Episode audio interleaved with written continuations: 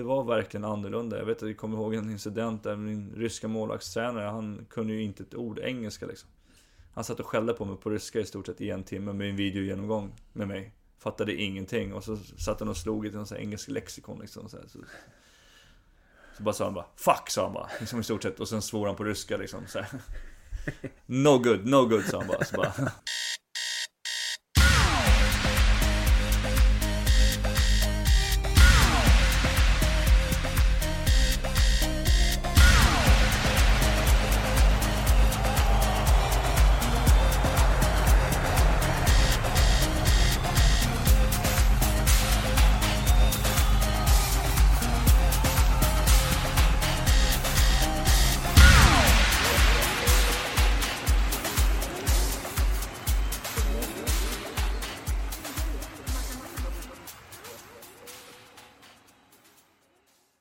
SHL-podden Möter från NordicBet är här igen. Det är en, det, det är en snuvig Mårten Bergman som håller i det här eh, och gästen idag, mindre snuvig, Mikael Tellqvist, Djurgårdens målvakt.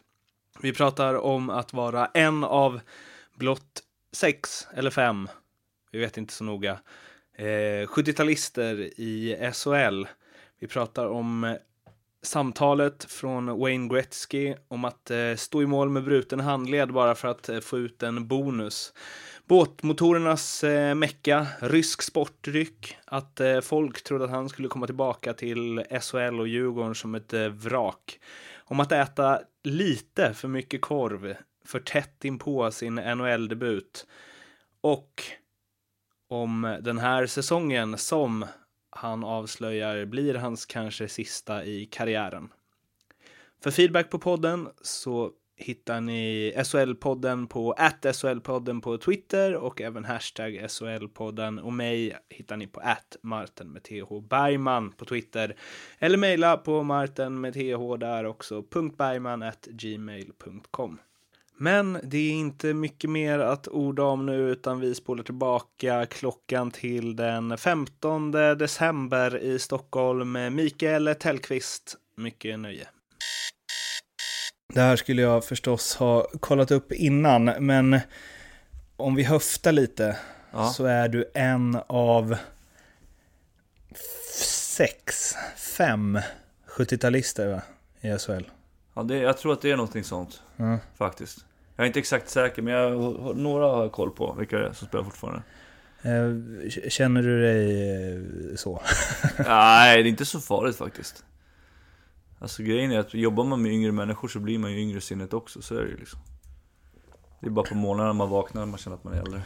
Du känner aldrig så bara att, åh, vilka kids om lagkamraterna? Nej, jag får ju lära mig. Ja, jo, men vissa grejer, så man märker ju generationsskillnader kan jag inte känna. Det gör man ju på när man själv växte upp och hur tränare är och sådana grejer jämfört med hur tränare är idag. Typ sådana grejer märker man jättestor skillnad. vad är största där liksom? Nu ska ju, är det väldigt viktigt att alla ska må bra. Mm. Och alla ska få sin röst sagd liksom. Mm. I stort sett. Alla ska tycka och tänka. Det var det inte? Nej, inte riktigt. Det var diktaturaktigt mer mm. förut. Det låter ju ändå som till det bättre. Jo, det är det ju.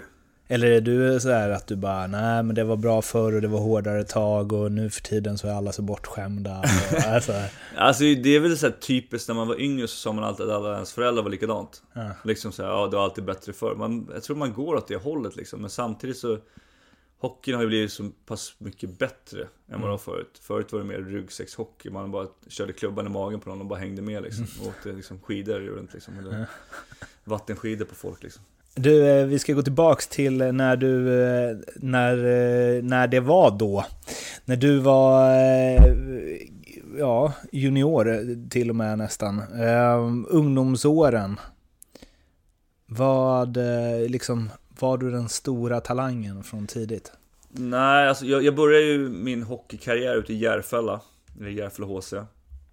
Eh, spelade där tills efter TV-pucken och TV-pucken var typ i 15 års ålder tror jag det var då. Mm.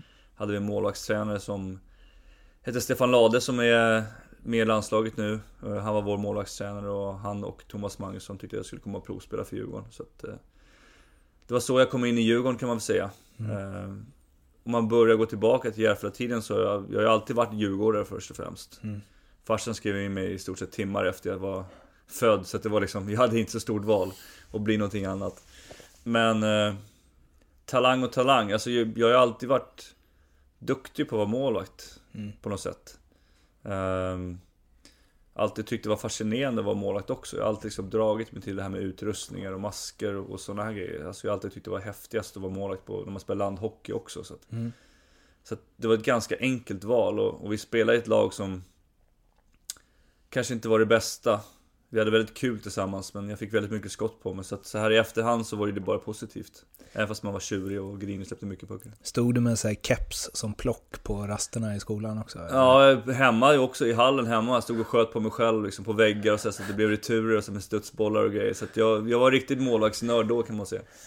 Alltså, det är ändå att ta så Björn Borg mot eh, garageport ett steg längre. Ja, verkligen. På sig själv. Och sen kommentera gärna också. Det är liksom... Det var så. Jag är ju ensam barn så jag hade ingen brorsa eller någonting som kunde göra någonting så, här, så det var liksom... Ja. Så att eh, jag fick vara påhittig. Ja, det får man verkligen säga. Ja. Eh, Men eh, du fick chansen i Djurgården eh, 98-99 eh, då du var 19 bast. Eh, det blev sex matcher den säsongen. Säsongen efter stod du eh, 30 och jag ville hoppa dit för samma säsong spelade du alltså 11 matcher för Huddinge i Allsvenskan och eh, landslaget och VM. Mm. Ja, det var eh, en, en omtumlande säsong kan man väl lugnt säga. Jag kom ju som du sagt från, från året innan där jag i stort sett bara åkte runt och mådde bra och åkte på matresor i stort sett runt hela Sverige och riket liksom. Och eh, året efter så pratade vi lite med, med Thomas Magnusson, målvaktstränaren då, och, om hur det bästa för min utveckling skulle vara. För Tom hade ju två år till tror jag, Tommy Söderström. Mm. På sitt kontrakt och då tyckte väl alla att vi skulle bli utlånade till, eh, till Huddinge då, för att få spela lite matcher. Och sen, eh, jag kommer inte ihåg exakt alltihopa, men det, jag, jag kommer inte ihåg om det gick lite halvknackigt för Tom eller vad som helst. Och sen eh, ville de att jag skulle vara med på ett derby mot eh, AIK på Globen. Och det rann iväg lite där, jag fick hoppa in i slutet av, av den matchen eh, och spela sista perioden eller vad det var. Och sen matchen efteråt så eh, spelade jag och spelade bra. Kan ha varit Modo borta, jag är inte riktigt säker. Men eh, någonting sånt. Och eh, efter det så gav har de mig chansen att fortsätta spela. Och sen så gick det, som man eh, brukar säga, spikrakt Ja. uppför. Det har varit en liten kometkarriär där, lite snabbt verkligen på... Eh, jag kunde komma in naturligtvis ett väldigt bra lag också. Djurgården var ju topplag år efter år Mm. i slutet av eh, den tiden och början av 2000-talet. Så att eh, naturligtvis hjälpte det till också. Eh, jag hade tränat bra länge med Thomas Magnusson och kört mycket liksom målvaktsträning och, och sådana grejer. Så ju, det kändes som när jag kom in att jag var förberedd på det, på något sätt. Sen kan man ju aldrig vara förberedd på allting runt omkring men Fördelar och nackdelar med då var ju att det var inte liksom så himla mycket sociala medier eller vad som helst. Jag tror inte att alla matcher ens visades på TV. Så att man var lite mer i skymundan om man skulle haft en dålig match eller vad som helst. Men eh, det, är som, det är som det är nu. När det kommer upp en ny spelare som folk inte har skrivit om så blir det naturligtvis sidor i, i tidningar och sådana grejer också. Hur var det, alltså hela den grejen att gå från så här, ja men ändå total anonymitet får man ju säga, till att komma upp, spela eh, elitserien för ditt favoritlag sen barnsben och sen går det superbra. Mm. Eh, och det blir liksom SM-guld direkt och bara VM och pang. Alltså fötterna på jorden och hela den grejen. Ja, eh, nej men jag har alltid haft bra kompisar, bra socialt umgänge och som person så Det är väl en av mina nackdelar kanske under min karriär, att jag inte varit tillräckligt kaxig kanske. Och tagit för mig, utan men jag har alltid haft fötterna på jorden vad det än som har hänt, utan eh, Jag har alltid resonerat så, och det är ju tack vare mina föräldrar också, hur de lärde mig, eller växte, fick mig att växa upp, att eh, det viktiga är hur man är som människa, inte hur man bara presterar. Utan till, till slut så kommer karriär, karriären ta slut och då är det ingen som vill vara kompis med en längre bara för att man har spelat hockey. Utan då har man kompisar för att man är den person man är.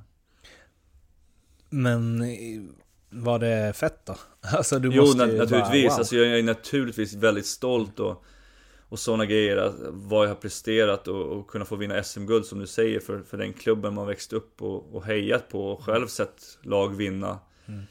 På Globen och på Hovet och haft idoler som Tommy Söderström och Roffe Ryddervall och alla andra Thomas Eriksson som har mm. spelat i den klubben liksom. Det, ja, det, det är få förunnat att lyckas göra det och sen naturligtvis och göra det en gång till sen efteråt också och sen komma tillbaka igen och kanske få avsluta sin karriär i den klubben också. Det, nej, man får gåshud när man tänker på det faktiskt. Det, det är mäktigt. Två eh, SM-guld på eh, två A-lagssäsonger i princip, även om du gjorde mm, nio matcher där 98-99. Eh, och som sagt, två VM i rad, ehm, även om det inte blev supermycket matchande där. Alltså du måste ju... Jag tänker att, man, att du måste ju tänkt lite så här, jaha, det är så här det är. Mm. SM-guld varje år och bara Precis. Nej men så är det ju. Och det var väl det kanske som hände lite grann när jag kom över till, till NHL. Mm. Uh, att jag trodde att det skulle gå väldigt enkelt. Att det var bara att jag ska spela hockey här också liksom. Mm. Det är inget mer verkvärdigt. Och, uh, kanske varit lite... Har kanske gjort lite dålig research eller vad som helst på vad det var för typ av typ av liga jag skulle in i och hur stor skillnad det var att spela på mindre rink. Uh, Eh, för under min karriär så har jag fått lägga om min spelstil, jag tror tre eller fyra gånger liksom, för att kunna anpassa sig liksom, efter, efter hockeyn och sådana grejer. Så att, um, nej, det, det, är väl någonting som man tittar tillbaka till, att man kanske skulle varit mer noggrann då. Ah, alltså jag förstår att du inte hade liksom velat byta bort de SM-gulden för allt i världen.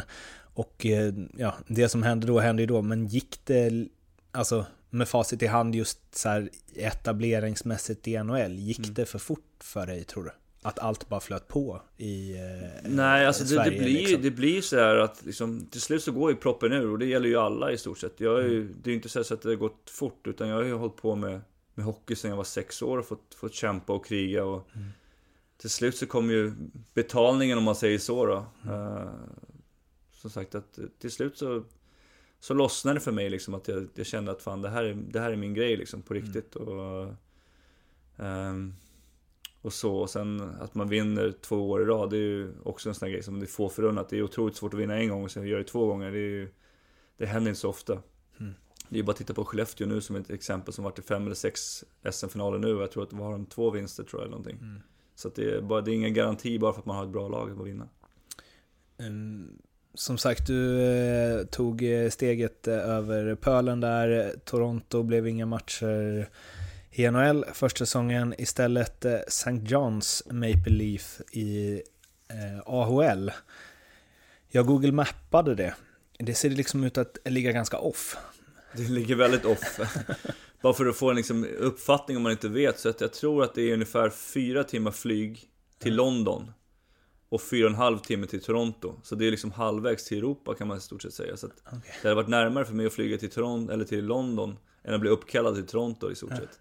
Det ligger liksom ute på en ö? Ja. ja. Typ vid Grönland skulle man kunna säga. okay. Så att, eh, ett Var... väldigt unikt ställe. Vad, berätta.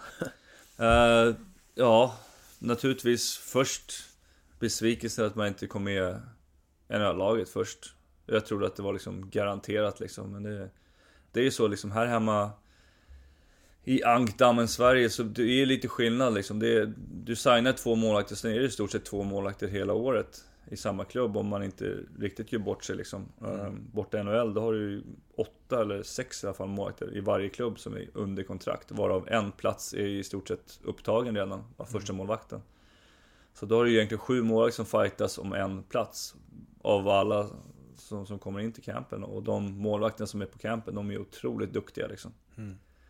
Så att det vart lite stressat där på campen definitivt. Uh, och sen gick hur, det väl ingen vidare. Hur var det där att så här, eh, ja, två av dem som var där då var ju Curtis Joseph och eh, Tom Barrasso som kanske i och för sig sjöng på sista eh, versen där, men så här, hockeybilder liksom. Eh, ja. Alltså legendariska NHL-målvakter. Precis. Hur var det att bara Alltså båda, båda de två är ju, Tom Barrasso tror jag kom i slutet av året. Mm. Och i början så var det jag och en annan kille som heter Corey Schwab tror jag. Mm. Som, som kom in på typ tryout-kontrakt och han spikade igen helt medan jag inte kunde stoppa en badboll på campen. Så då, då var det inte så svårt val för dem. De ville att jag skulle spela mycket och då istället för att sitta på bänken så, så skickade de ner mig. Men Uh, Curtis Joseph fick jag chansen att spela med en gång till sen i Phoenix. Så uh, det är en fantastisk människa, en fantastisk förebild. Både som hockeymålvakt och, och, som person utanför isen. Otroligt ödmjuk och det, det, är en sån människa som jag verkligen har sett upp till. Uh, inte alltid den bästa spelstilen, men han, han krigade på varje puck och gav aldrig upp. Och det, det är någonting som jag har fått ta med mig verkligen. Men St. John's, vad, hur var det där? Ja, Man har ju hört en del historier om AHL-livet liksom. Ja, och, och, det börjar väl bli bättre nu, men det är ju, det är ju verkligen unikt liksom. St. John's som säger är, var en gammal fiskarby. Ja. Uh, nu tror jag att de har hittat olja där utanför, så nu åker alla runt i Mercer och grejer, vad jag har hört den sista tiden jag pratar med. Så det, det, blir som all, överallt annat, men mycket backar överallt och det är, ska man säga, lite så här västkustaktigt liksom. Mm. Färgglada, färgglada hus som står ganska tätt liksom och ner mot vattnet och unik Unik miljö liksom, ganska kargt liksom. Mm. Uh, valarna och isberg på vårarna är ganska häftigt att, att kolla på faktiskt. Men kände du dig någonstans från, från uppmärksamheten och SM-guld eh, här i Stockholm till eh, Next to Grönland? Liksom? Mm. Det måste varit en viss kontrast. Det var det. var en riktig käftsmäll. Eh, sen hade jag en tränare som inte riktigt tyckte om europeiska spelare heller. Så det var, det var ett väldigt kulturkrock liksom. Mm. Uh, han samlade ihop oss en dag på, det var, vi var väl fyra eller fem stycken. Det var en ukrainare, jag, en tjeck, en finne tror jag. Mm. Så samlade han ihop oss liksom vid mittcirkeln efter en träning. Liksom, så sa han det liksom, grabbar, fan. Vi, ni, får, ni, får, ni måste prata engelska bara i omklädningsrummet liksom. Ni får sluta prata det europeiska språket liksom. Så då trodde han att vi pratade samma språk allihopa liksom.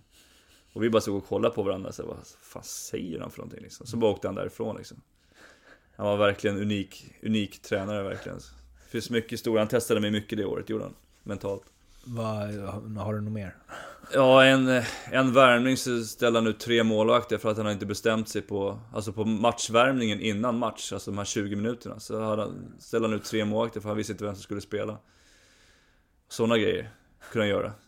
Så det är liksom verkligen unikt. Eh, hur tacklar du det? Nej, jag spelade inte den matchen, så jag tacklade inte det så jättebra. okay. Nej, andra grejer, vad ska man säga mer? Um, ja, efter morgonvärmningen en gång så kom han in liksom och så sa han liksom att ja, du, 99% säkerhet att du spelar ikväll mot det här laget. Sen kom han ner och laddade för matchen liksom, så kommer han in och bara nej. Nej, du spelar inte mot de här ikväll liksom. Då hade han ångrat sig liksom. Den här procenten som hade tydligen växt under dagen. Då sa han att den andra målvakten var bra mot det här laget förra året. Hur blir det från att allt har gått eh, spikrakt uppåt till, alltså började du eh, fnula på saker då liksom? Och... Jo, det är klart. Alltså man började längta hem. Jag menar, det var ju... Jag och min fru var första gången vi var borta. Vi var ganska unga båda två. Eh, vi hade inte riktigt koll, flyttat till helt ut land. Engelskan var väl... Ja, det var typ vänner-engelskan som man kunde i stort sett och såna grejer. Så att det, liksom, det var inte samma, men man kunde hanka sig runt. Men det här med slang och såna grejer, det var ju svårt i början. Och, mm. um, först när man kom dit så var det bara att slänga upp en stort sett uh, en bok framför med, med mäklare som man skulle ringa för att hitta sin egen bostad liksom. Um, så att det var bara att sitta och ringa runt själv. Det var ingen från klubben som hjälpte till på så vis. Utan man blev ganska självständig ganska fort. Det låter inte som det glamorösa hockeyproffslivet direkt. Nej, det är, det är inte så glamoröst som alla läser i tidningarna. Utan eh, i tidningarna så står det bara massa siffror och miljoner. Utan, och de miljonerna brukar vara om allting inträffar i stort sett. Om det blir bästa spelare i ligan, om det blir vinner poängligan och bla bla bla och får in alla bonusar. Så mm. Det är klart att spelar man NHL så tjänar man ju väldigt mycket pengar. Mm. Det, det råder inget tvivel om det, men eh, de som tjänar sjukt mycket pengar, det kanske är 5-10% av, av alla. Men eh, du harvade på. Mm. Eh, året efter blev det tre matcher i eh, Toronto.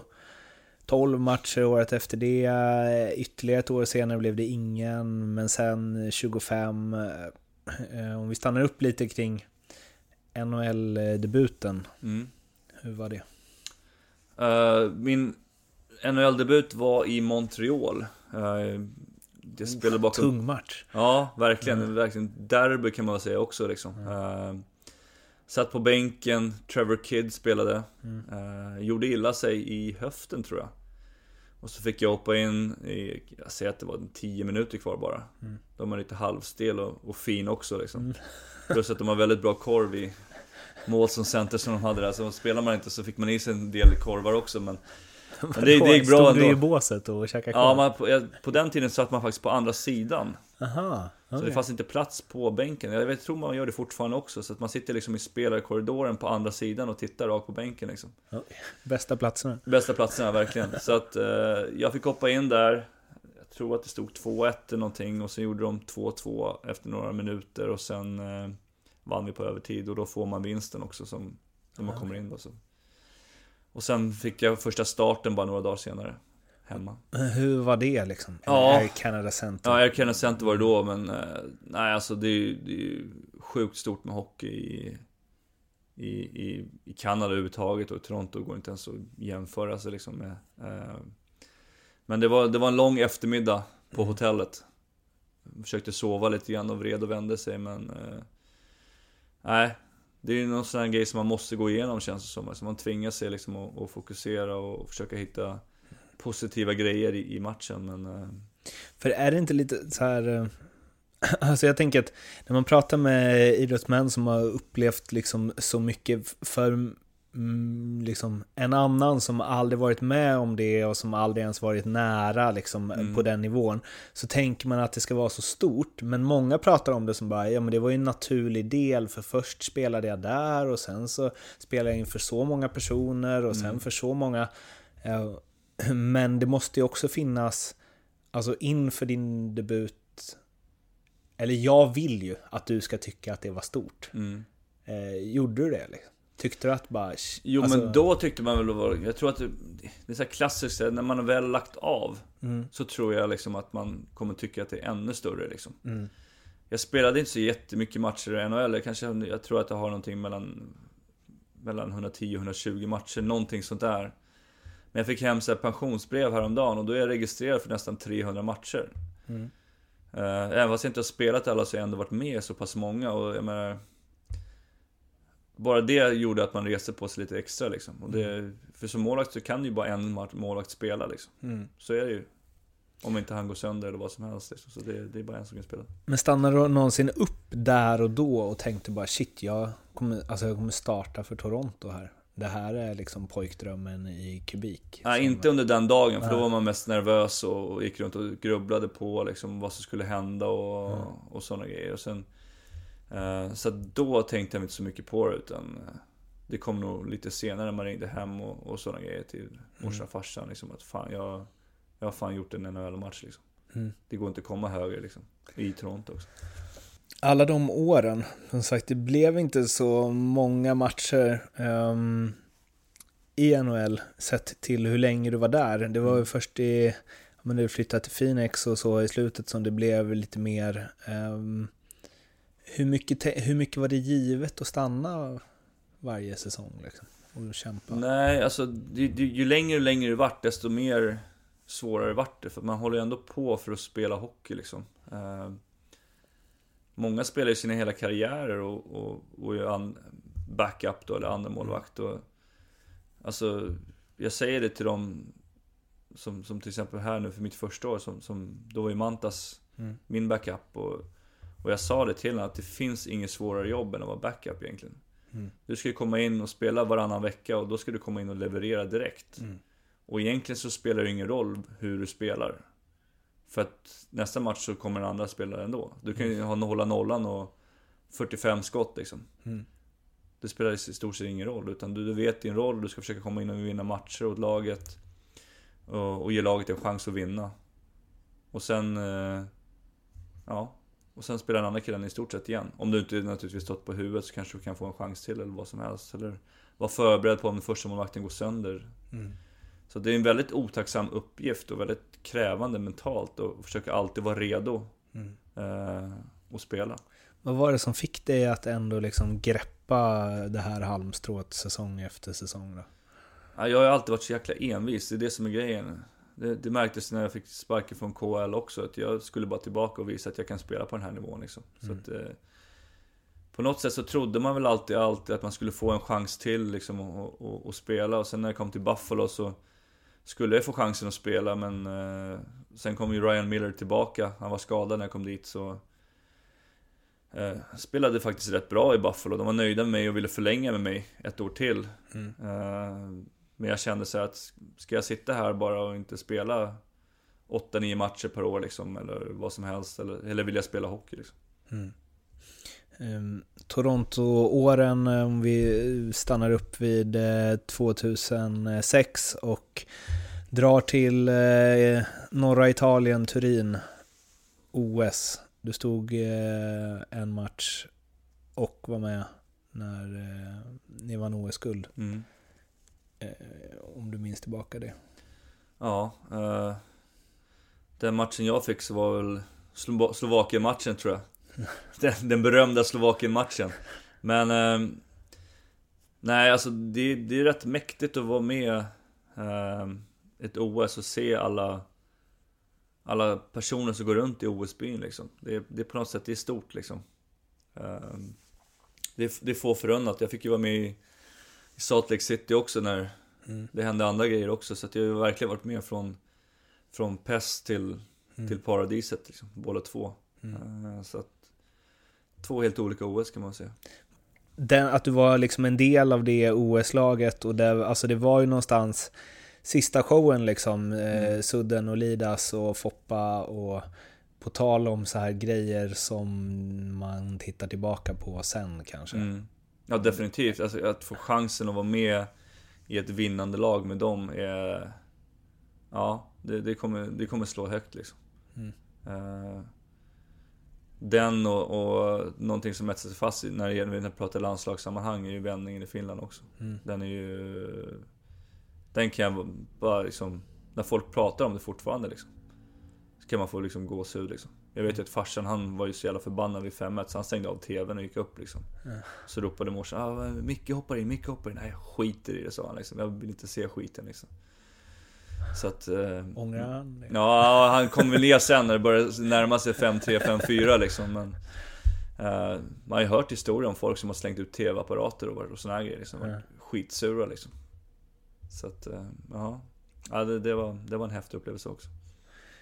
Toronto, du höll dig kvar där till 06-07 eh, och hamnade i Phoenix då. Mm. Hur var det bytet och eh, kan tänka mig kontraster rent eh, statsmässigt där också? Ja, nej det var... För mig personligen så, så hade jag väl kört fast lite grann. Eh, Det som är...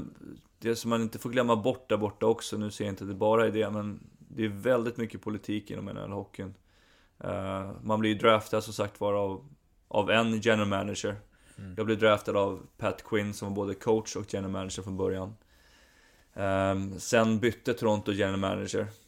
Eh, John Ferguson Jr tror jag det var som, som kom in. Eh, och grejen är då, då vill ju han sätta sin prägel på laget. Så då draftade han massa spelare som han vill ska spela och, och alla andra då, vi andra som, som var där innan, Mm.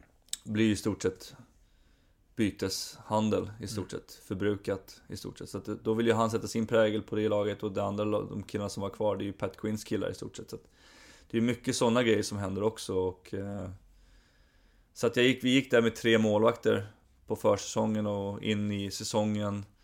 Ehm, så att efter en morgonvärmning en gång, jag skulle sitta på läktaren igen, så kom jag hem och satte mig framför TVn och satte på typ Sportkanalen där så har de ungefär som text-tv, där det är liksom längst ner så rullar en text så stod det så här Michael Talquist been traded to Phoenix Coyotes. Så bara, så bara, jag hade inte hört någonting liksom. Jag tänkte så här, vad fan är det som händer liksom? Ja, ja, ja så, det är så kanske fel liksom. Så kom det upp igen typ så, här, så bara, ja, ja. Första jag gjorde, ja men jag ringer agenten då och ser om han vet någonting liksom. Han har inte hört någonting heller. Jag bara, jag måste ringa tillbaka liksom. Så ringer han efter fem minuter, bara, ja tydligen så har de tradat dig liksom. Jaha, okej. Ja, så att eh, då var det bara ner på rinken. Innan grabbarna hämtade, hämtade utrustningen. Ta med den utrustningen hem till lägenheten och sen ringa frugan då, för hon var i skolan och säga att jag tydligen blir bortbytt liksom. Jaha, ja, ja. Så ringde agenten igen och så bara, ja men du, de ringer från Phoenix snart och, och talar om när du ska åka liksom. Så kommer hon hem och sen så bara, så ringer, ringer på telefonen. Så det är Wayne Gretzky som ringer ganska häftigt faktiskt. Det, jag önskar någonstans att man har varit sinnesnärvaro och kunnat spela in det samtalet och behållit det liksom. Men eh, ja, det stod, jag fick ett meddelande på frågor här innan vad jag skulle svara på. Någon, någon gång jag var starstruck så var det nog när Wayne Gretzky ringde upp mig och sa att jag hade välkommen till Phoenix liksom. Vad sa du då? Ja, det jag sa nog inte, jag kommer inte ens ihåg vad jag, vad jag pratade om. Jag sa liksom typ så ah, typ säkert ja, thank you Mr Gretzky, thank you. Eh, Ungefär den, den nivån liksom. eh.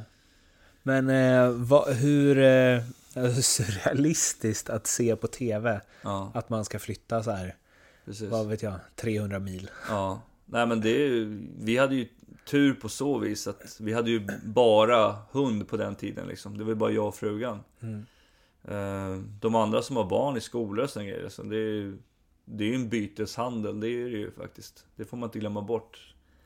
Eh, Det är de här stora stjärnorna som sitter på kontrakt med så här no trade, att de inte kan bli bortbytta hur som helst. Det är ju de som, som är i stort sett garanterade att sitta kvar liksom. Så presterar du inte eller vad som helst, eller du kan bli nedskickad eller...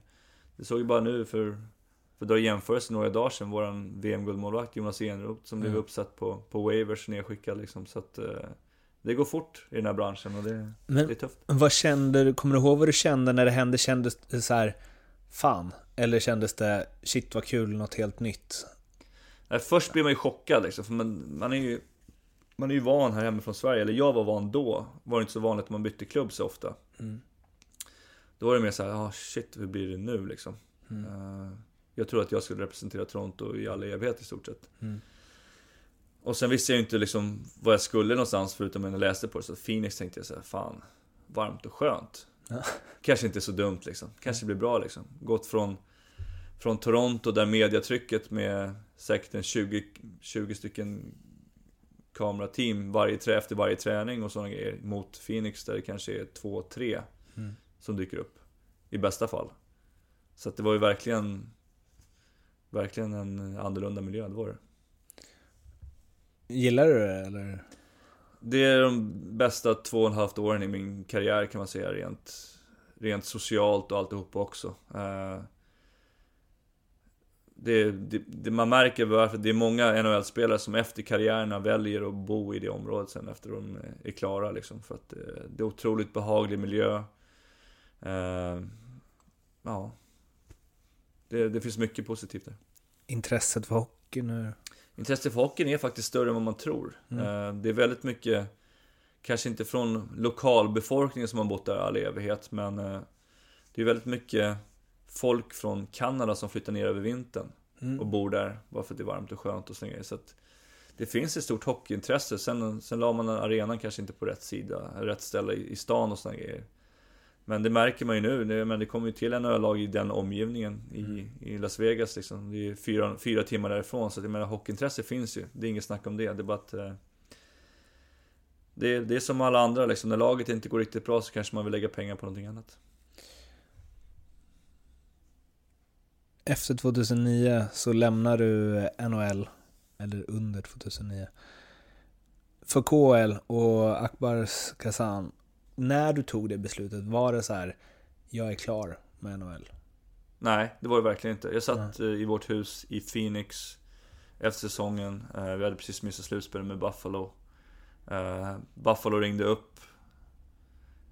Erbjöd mig ett väldigt bra kontrakt för att stanna i Buffalo. Men det var som jag sa tidigare i podden att Eh, jag hade Ryan Miller framför mig.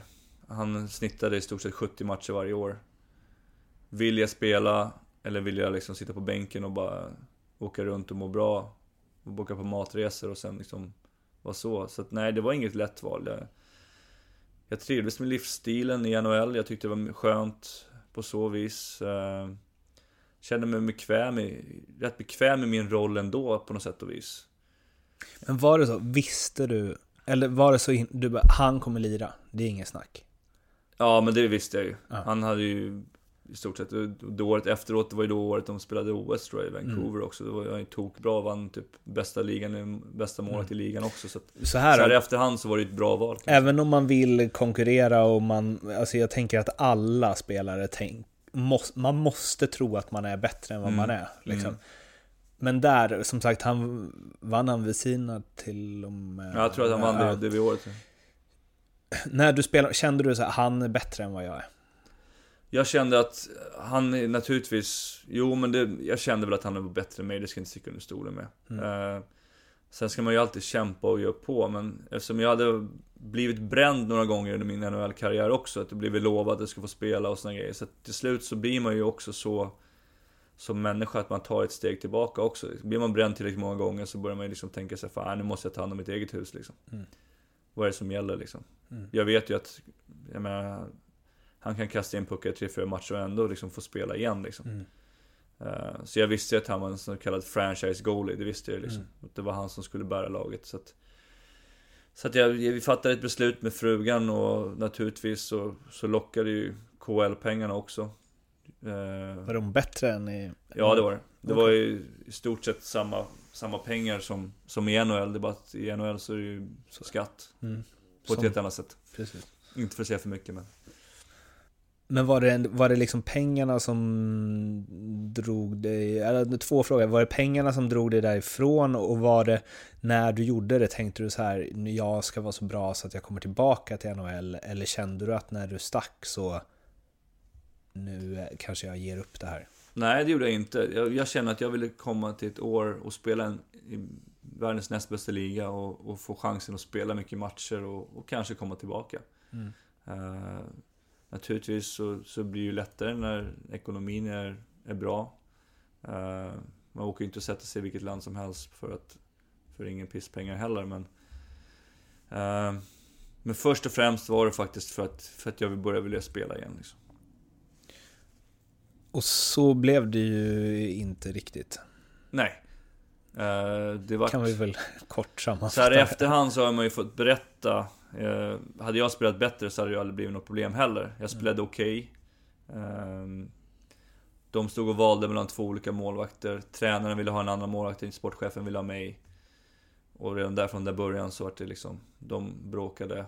Och till slut så var det ohållbart för att han, eh, jag fick inte spela det, här finns det en intervju med dig som eh, Johannes Hägglund tror jag han heter, eh, gjorde för Sportbladet när du var när du spelade i Modo därefter. Eh, det kändes som att det fanns en del, eh, en del material från tiden i Akbars Kazan. Ja, eh, det var det verkligen. Alltså det var... Det är ett unikt ställe. De, de kör ju på sitt gamla system liksom med, med baser som det kallas för. Att Mm. man ska vara innanför, i, i basen under vissa tider liksom. Och, och sådana grejer. Så att en typisk dag innan matchdag så var det träning mellan 10 och 12. Lunch mellan 1 och 2. Mellan 2 och 4 så skulle du ligga innanför det här inhägnade området. Mm. Som hade säkerhetsvakter. Så skulle du vara innanför där och vila. Sen mellan fyra och halv sex tror jag det var ungefär. Då fick man göra vad man ville. Då kunde man åka utanför området. Sen klockan sex så var det genomgång, matchgenomgång. Och så efter det så var det eller middag tillsammans. Sen hade man två timmar i lägenheten. Som var på samma område. Så man fick upp och hänga med frugan och sådana grejer. Sen klockan tio då skulle man infinna sig på ett hotell som låg 200 meter från den här lägenheten. Bara för att man skulle sova där. Och där stod det eh, babusjkor som stod där och checkade in en och kollade så att man var, var klar och fick en nyckel och, och sådana grejer som man inte smet ut sen heller. Det kändes som att man spelade 56 bortamatcher. Det var som ett kollo där Ja. man aldrig fick vara i fred. Ja. Här är ett citat från Ja, den här nej intervjun. men det, det stämmer, det, det kändes som man aldrig var hemma liksom. Det, det kändes som man var ständigt bevakad mer eller mindre liksom. Så att, eh, och då är ändå Kazan, jag, jag trivdes bra där. Det är en bra stad och en bra organisation och sådana grejer men eh, Det livet var inte riktigt min grej utan jag ville ha mer frihet liksom när det, när det liksom väl är ledigt dagen innan match så vill man kunna koppla av och göra lite som man vill, lägga upp dagen hur man vill i stort sett. Du var inte beredd på det här eller? Nej, det var ju verkligen en, en annan kulturkrock liksom när man kom hem liksom. Och man är van med, med den otroliga proffsigheten som finns i, i NHL med, med resande och, och sådana grejer. Så att, eh, nej, det var, det var verkligen annorlunda. Det var det. Annat i den kulturen som inte var som hemma eller? Ja, nej men eh, det, det var... inte för att säga sådär, men det, det, var verkligen annorlunda. Jag vet att jag kommer ihåg en incident där min ryska målvaktstränare, han kunde ju inte ett ord engelska liksom. Mm. Jag fick en utskällning en timme på ryska liksom. Han satt och skällde på mig på ryska i stort sett i en timme med en videogenomgång med mig. Fattade ingenting och så satt han och slog i någon engelsk lexikon liksom. Så, så, så bara använde det typ såhär. Så bara sa han bara 'Fuck' sa han bara. Liksom i stort sett. Och sen svor han på ryska liksom. Så No good, no good sa han bara. Så bara okay, alltså, ja. Det känns ju som att budskapet ändå gick fram. Jo, alltså, jag fattar det men till slut, du vet, sitter någon och skäller på ett till slut så blir man ju så här. Man sitter och bara stirrar någon annanstans och lyssnar inte liksom. Alla de här eh, historierna om att eh, ryssar spelar lika bra trots eh, en 70 vodka kvällen innan och sådär. Ja, alltså det finns ju även i borta i Nordamerika också. Det finns ju de som har problem med alkohol där också. Mm. Uh, man vet ju på bussarna på, i AL så var det många som, som drack öl och sådana grejer också. Så att jag menar, det är nog här i, i Sverige som det. Jag brukar säga att Sverige är nog den mest seriösa ligan jag någonsin spelat i på så vis. Alltså träningsmässigt och, och sådana grejer också. Vi är väldigt ordentliga vad det gäller. Kanske lite för ordentliga ibland. Även jämfört med NHL alltså? Ja, okay. det tycker jag också. Uh, man tränar på ett helt annat sätt. Det är ju mer individuell träning borta i NHL. Alltså det är ju du är din egen spelare i stort sett, även fast du representerar en klubb så på sommarträning, du, du tränar ju helt själv. Du får ju inte träna med laget till exempel på så mm. vis. De får inte ha en gemensam träning utan de flesta har ju egna individuella träningar. Medan så här hemma tycker man om att köra det här kollektiva liksom. Det finns ett citat återigen från den här intervjun där du säger eh, du får frågan, krökades det mycket? Vissa gjorde det i alla fall, det är Skulptura men de, eh, men de spelar bra på matcherna och då kan man ju inte säga så mycket om det. Eh, alla sups är inte redlösa, men vissa. Det finns en rysk målvakt som spelar på en väldigt hög nivå som super före matcherna. Han är känd för att ta några bärs på lunchen. Det var mm. väldigt, väldigt speciellt i Ryssland. Mm. Ja, men det, det, det finns, han har till och med spelat landslaget. Och jag tror jag gör fortfarande också. Han, det går rykten om att han tar en liten jäkel innan matchen för att lugna nerverna. Liksom. Sen vet inte jag, jag har inte sett det själv så det, det är bara vad jag har hört. Liksom. Eh, och du säger också här, du får säga till om jag snackar för mycket, det finns många stories. Så där känner jag bara, mm. har du fler så kör. ja, vad ska man säga? Liksom? Uh, alltså, jag kommer ihåg, man flög, den längsta resan man flög, vi var ju i Riga, då flög vi hela vägen från Riga bort till uh, Amur, Vladivostok som det heter, mm. och Habarovsk som är längst bort mot Japan i stort sett. Men man flyger egentligen i stort sett över hela Ryssland för att komma dit liksom. Ja. Så då var det ju först 5-6 timmar till Novosibirsk. Det var mellanlandning, man skulle gå av planet mitt i natten och gå ut och så checka ut. Och ut med alla grejerna för man skulle vara tvungen att checka om eftersom vi kom från ett annat land liksom. Sen tillbaka på planet, flyga de sista sju timmarna eller vad det var. Från Sibir till där och sen landar man där på morgonen, nio deras tid. Och då är det nio timmars tidsskillnad tror jag, så 12 våran tid. Match på kvällen, klockan sju liksom. Tillbaka till hotellet, försöka få i sig någonting att käka, sen sova 3-4 timmar och sen var det bara ner på rinken och sen stod det en flaska med, så stod det såhär 'Don't sleep' på den i stort sett. Och typ såhär sportrycksaktigt. Så man frågar liksom, Nej, det är lugnt, bara ta så vaknar du till liksom. Sen kokar det till i, i huvudet liksom. Don't sleep. Don't sleep hette sportdrycken. Det är värsta. Red Bull slänger i ja, väggen. Verkligen. verkligen. Du eh, lämnade Akbar Skazan efter 11 matcher. Eh, hamnade i Lukko mm. i Finland. Mm, varför eh, lämnade du? Uh, nej, de tränarna ville ha en annan målvakt. Som sagt var, jag hade Du sa något där om att det var lite mobbningsgrejer eller? Ja, alltså nej. Ja, men lite. Det blir ju så när jag ska inte skylla på någonting. Hade jag spelat grymt så hade jag naturligtvis inte kunnat göra någonting. Jag spelade okej. Okay. Mm. Eh, och då var det ju lättare för en att, att ge sportchefen ett skäl att inte spela med också. Så att jag mm. satt i stort sett där och satt på ett bra kontrakt. Så, att, så, så de ville få in en annan målvakt och eh, då ringde de. De ville ha Petri Venen, ja precis. Från, från Loco och eh, jag hade ju inte tjafsat eller någonting och, och sådana grejer under tiden här utan jag hade ju kört på. Det, jag är van med det liksom. Så att eh, de ville bara göra en bytesaffär rakt av och stort sett. Och, så att eh, det, det gick bra. Var det skönt på något sätt? Ja. För att jag bodde ganska mycket ensam när jag var där. Frugan tyckte inte, trivdes inte heller. Uh, eftersom jag ändå inte var hemma i så Jag bodde på hotell när jag var hemma ändå, så det spelade inte så stor roll. Hon såg ju mig aldrig, så att... Mm. Uh, just det här med att man var bevakad hela tiden tyckte jag inte om heller. Men... Uh, nej, så vi båda tyckte nog det var skönt att komma närmare liksom. Närmare hem. Loko, vad, vad har vi på det? Lokorauma, det är en, en liten stad, en och en halv timme norr om Åbo. Som tillverkar båtmotorer tror jag. Om okay. jag inte minns fel. Så Rolls Royce båtmotor, någonting sånt tror jag. Uh. Där får man googla lite själv. Så uh jag kan ha fel. Men det är någonting med ett båtvarv i alla fall som är otroligt stort. Um, så jag hamnade där och var väldigt glad att få komma dit och, och, och fortsätta spela. Och spelade med Antiranta som nu är mm. målvakt i New York Rangers. Mm. Så att... Uh, det var väl någonstans där jag började känna också att det här med att kunna dela med mig av den kunskapen som jag ändå sitter på. Mm. Och försöka vara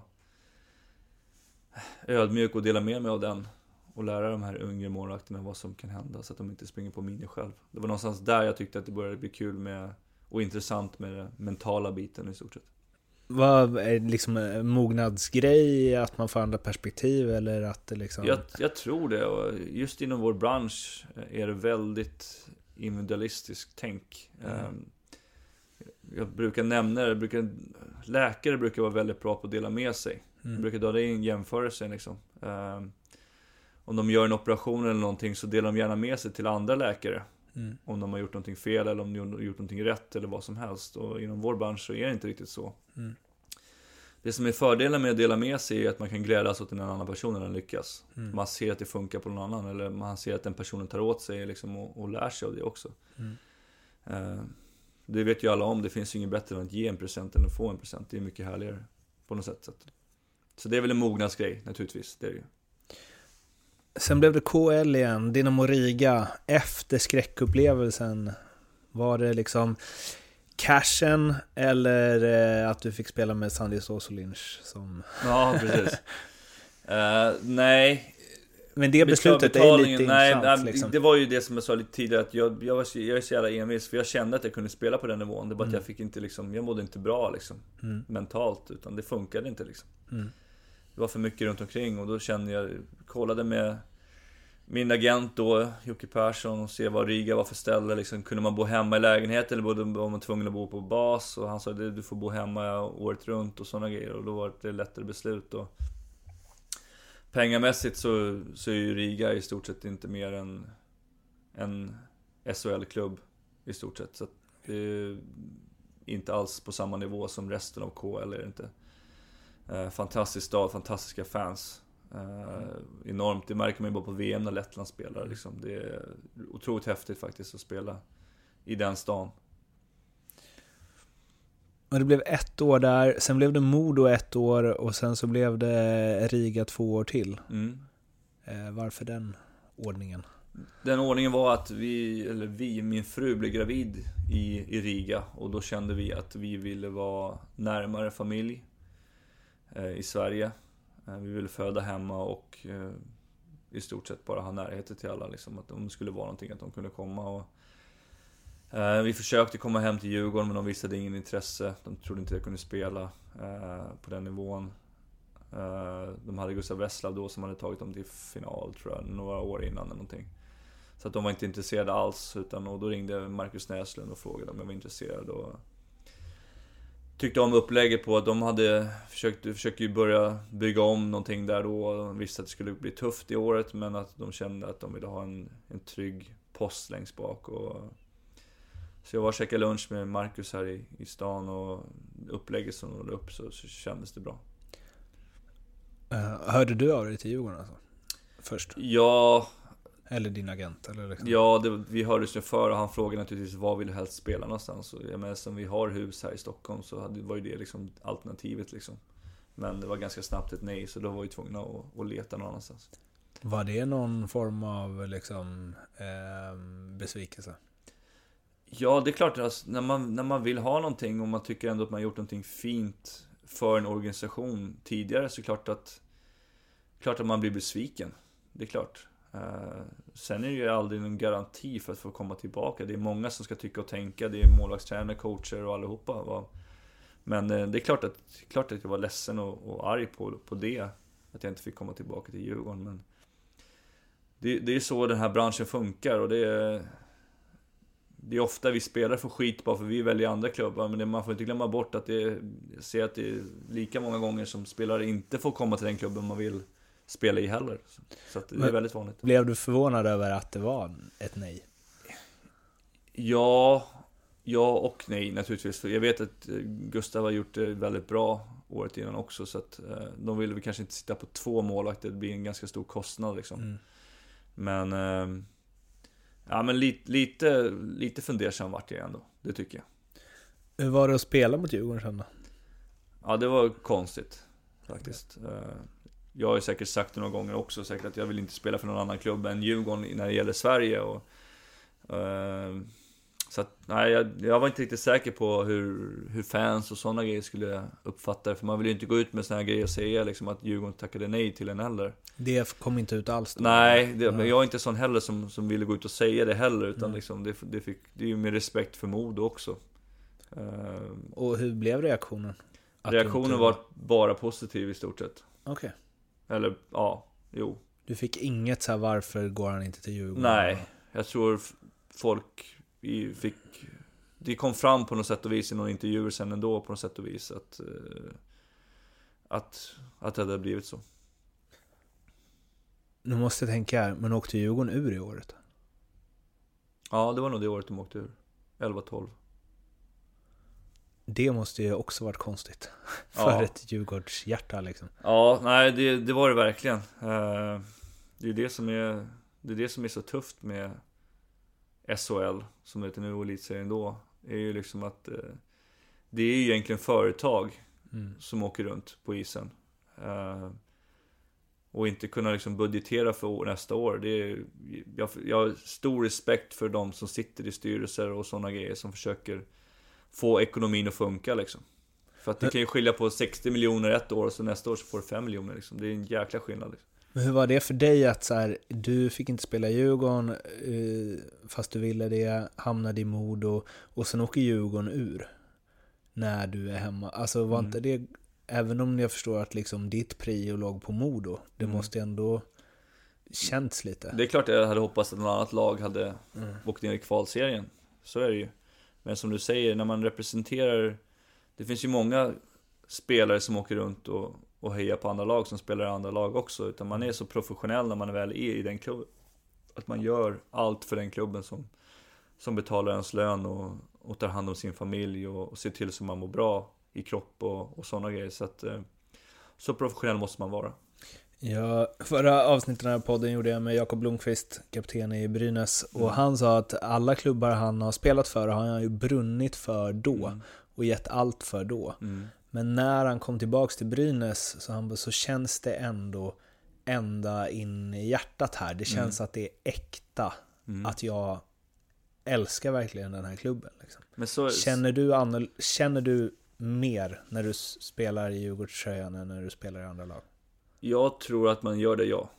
Eh, Just för att som våran höst har varit här nu, ganska tuff och det var vi har legat näst sist och, och sådana grejer. Så att då tror jag att man känner extra skyldighet på något sätt när man förlorar matcherna. Eh, Eftersom man är ett fan själv också. Mm.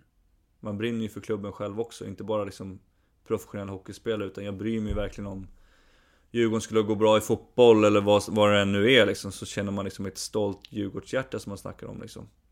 Så att eh, när det väl går dåligt i sådana grejer så har det känts extra tungt liksom för en som, som har växt upp i klubben och alltid hejar på klubben. Det gör definitivt. Hur mycket är det en nackdel slash fördel att, att bry sig så mycket om den klubben man spelar i? Ja, jag ser det mer som en, som en fördel för att du gör det här som, som du sa Jakob Blomqvist pratade om. Eh, det här lilla extra hela tiden. Du pushar dig själv lite hårdare på träning. Du pushar dig själv lite hårdare på match. Har du en skavank så kanske du spelar ändå. Eh, när du inte, kanske inte skulle och sådana grejer. Eh, sen, sen gäller det att visa upp någon typ av eh, någon stolthet, även om man får stå i intervjuer när det är tufft och sånt grejer, så, så känner man någon stolthet med att bära tröjan. Liksom. För ett annat exempel på det är just eh, eftersom jag frågar om det bara är positivt eller om det kan vara negativt. Jag intervjuade Jesper Ollas nyligen. Mm. Han har ju haft det ganska tungt i Leksand sedan han kom tillbaka. Så han sa att liksom, jag vill så himla mycket Mm. och kanske för mycket. Mm. Och vill ta så mycket ansvar och eh, leda det här laget som kapten och så vidare. Mm. Att när jag försöker vara överallt så blir det istället att jag är ingenstans. Mm. Eh, Jag tänker den nivån också, att man känner en extra press, att man känner att man spelar verkligen för de som står där på läktaren för man kan eh, relatera till det. Liksom. Mm. Man kan aldrig hamna i den. Att liksom, Ja men det är klart, alltså, jag, jag vet ju exakt hur de känner. mm, Eh, jag satt ju på, på matchen, sista matchen mot Västerås när Djurgården kvalade upp mot Mm. Mot, eh, mot eh, SHL. Och jag har nog aldrig varit så nervös någonsin. Kanske i första NHL-matchen, men man sitter där liksom och Det blir knäpptyst några minuter och alla, man märker att alla sitter och kollar telefon eller lyssnar för att följa den matchen ner i Rögle liksom, Rögle AIK liksom. Eh, och sen liksom när man hör att klacken börjar sjunga, för då har AIK gjort mål och de börjar liksom börja hämta igen igen liksom. Det, det är sådana grejer som man kommer ihåg liksom också. Så att det är klart det finns fördelar och nackdelar med, med att brinna för en klubb, men jag ser det mer som en fördel liksom. Jag tror att man gör det där lilla, lilla, lilla extra liksom. Hur mycket betyder det för dig att, eh, eller både betydde då 2014 men betyder idag att cirkeln sluts med att du Mm. kom hem till Djurgården? Uh, jag är otroligt tacksam för att Kjelle Berglund som var då gav mig chansen att få komma hem igen. Sen får vi se om det här är sista året eller hur, hur det blir i framtiden. Det har vi inte beslutat än, jag och min familj. Men eh, vi får se och jag är otroligt tacksam. Och det, det finns många, man snackar alltid om SM-guldet när vi vann. Men att vi höll oss kvar första året på den budgeten vi hade också var ju fantastiskt bara det. Jag tror inte att folk förstår vilken bedrift det var. Alltså det, med det laget som vi hade, i stort sett bara allsvenska spelare. Inga dåliga hockeyspelare, men inte vana att spela på SHL-nivå. Mm. Ehm, att kunna, vi hade ju en liten Karlskrona-start där. Vi har varit, var ju hur bra som helst fram till, till uppehållet och lite efter. Men sen, sen störtdök vi ju också. Mm. Det var som att energin tog slut liksom. Eller de andra lagen hade sönt, äh, läst sönder oss och vi fick spela mest i försvarszon varenda match liksom. Försökte kriga till oss poäng. Så att, eh, ja, det, det är också en sån här grej som, även fast det inte var en vinst, så var det en otroligt stor bedrift att kunna hålla kvar Djurgården i SHL. Vad är Djurgården nu kontra liksom det Djurgården som du lämnade för liksom, ja nu är det väl 16 år sedan, 15 år Mm. sedan. Vad var det du kom tillbaka till liksom? Alltså det laget som jag lämnade var ett färdigt lag. Mm. Otroligt skickliga spelare som hade spelat tillsammans under en väldigt lång tid. Eh, med lite kryddor av vissa spelare naturligtvis. Eh, det laget som vi har nu är ju ett utvecklingsbart lag liksom. Det är ett ungt lag. Eh, Djurgården har ju gått in i en fas igen och sagt att de vill bli Europaledande och, och sådana grejer. Så att, eh, lagt om träningsprogram och, och sådana grejer. Träningar överhuvudtaget. Så att, eh, Djurgården siktar ju på att komma tillbaka till den absoluta toppen igen. Kände du, var det något annat, alltså var det samma klubb? Eller har det hänt någonting där också liksom? Nej, alltså när man kom tillbaka första året så kände man väl liksom att det var en en sårad klubb på sätt och vis eftersom Mm. de varit i Allsvenskan i två år och ekonomin var inte riktigt där och Mm. ehm, Jag vet att det är många som har slitit och många företag som har gått in och sponsrat med pengar och grejer bara för att Djurgården skulle överleva liksom och, och komma upp och Den bedriften som de gjorde för att komma upp i SHL igen är också liksom Det var ingen som trodde det heller De låg ju typ dyngsist i november, lite Leksands Mm. Leksandsresa som de gjorde förra året. Så att eh, det är många som har fått dragit ett stort lass inom Djurgården och ordförande och all, allihopa liksom. För att få dem tillbaka, få, få Djurgården tillbaka på fötterna igen och det det är tufft i Stockholm. Det är tufft att bedriva elitidrott i Stockholm. Det är, inte, det är inte så lätt som folk tror. Och jag vet att klubbar ute på landsbygden och, och sådana grejer får otroliga bidrag från, från kommunen medan vi inte får alls i närheten av några pengar. Eller vi får ju lite pengar men inte alls i närheten vad de får. Så att eh, de sitter på nya arenor, vi sitter på äldre arenor. Så att eh, det, det är någonting som behövs ta tag i tycker jag. Mikael Tellqvist då? Liksom som kom tillbaka 2014 kontra han som lämnade 2001. Liksom. Ja. Jag tror folk hade nog tänkt att jag skulle komma tillbaka som ett Irak i stort sett. Liksom, att jag inte kunde spela längre. Att jag skulle komma hem och bara avsluta karriären och, och sådana grejer. Och det, Fick du den känslan? Ja, jag fick lite den känslan. Jag tycker fortfarande det är liksom den känslan lite grann. Liksom, så att, eh, när folk, per Ledin brukar alltid prata om åldersnoja i Sverige och det tycker jag stämmer. Jag tycker nästan att jag är mer seriös nu, vid 37 års ålder, än när jag var 20-22 liksom. Träna på ett helt annat sätt, ta hjälp av mental träning. Eh, så att... Eh, nej men det är så här, det är därför det här är så kul att kunna lära yngre spelare också liksom. Att man lär dem att säga liksom att... Eh, för annars får ju de gå igenom samma resa som jag har gjort och så kommer de på när de är 34-35 och de fortfarande spelar liksom att fan, så här skulle jag gjort liksom. Istället för att någon som säger det, som har varit med, säger och talar om sig så här är det liksom. Så här kommer det bli om du inte liksom skärper dig liksom. Det du var inne lite på i Loco där, men har du en annan...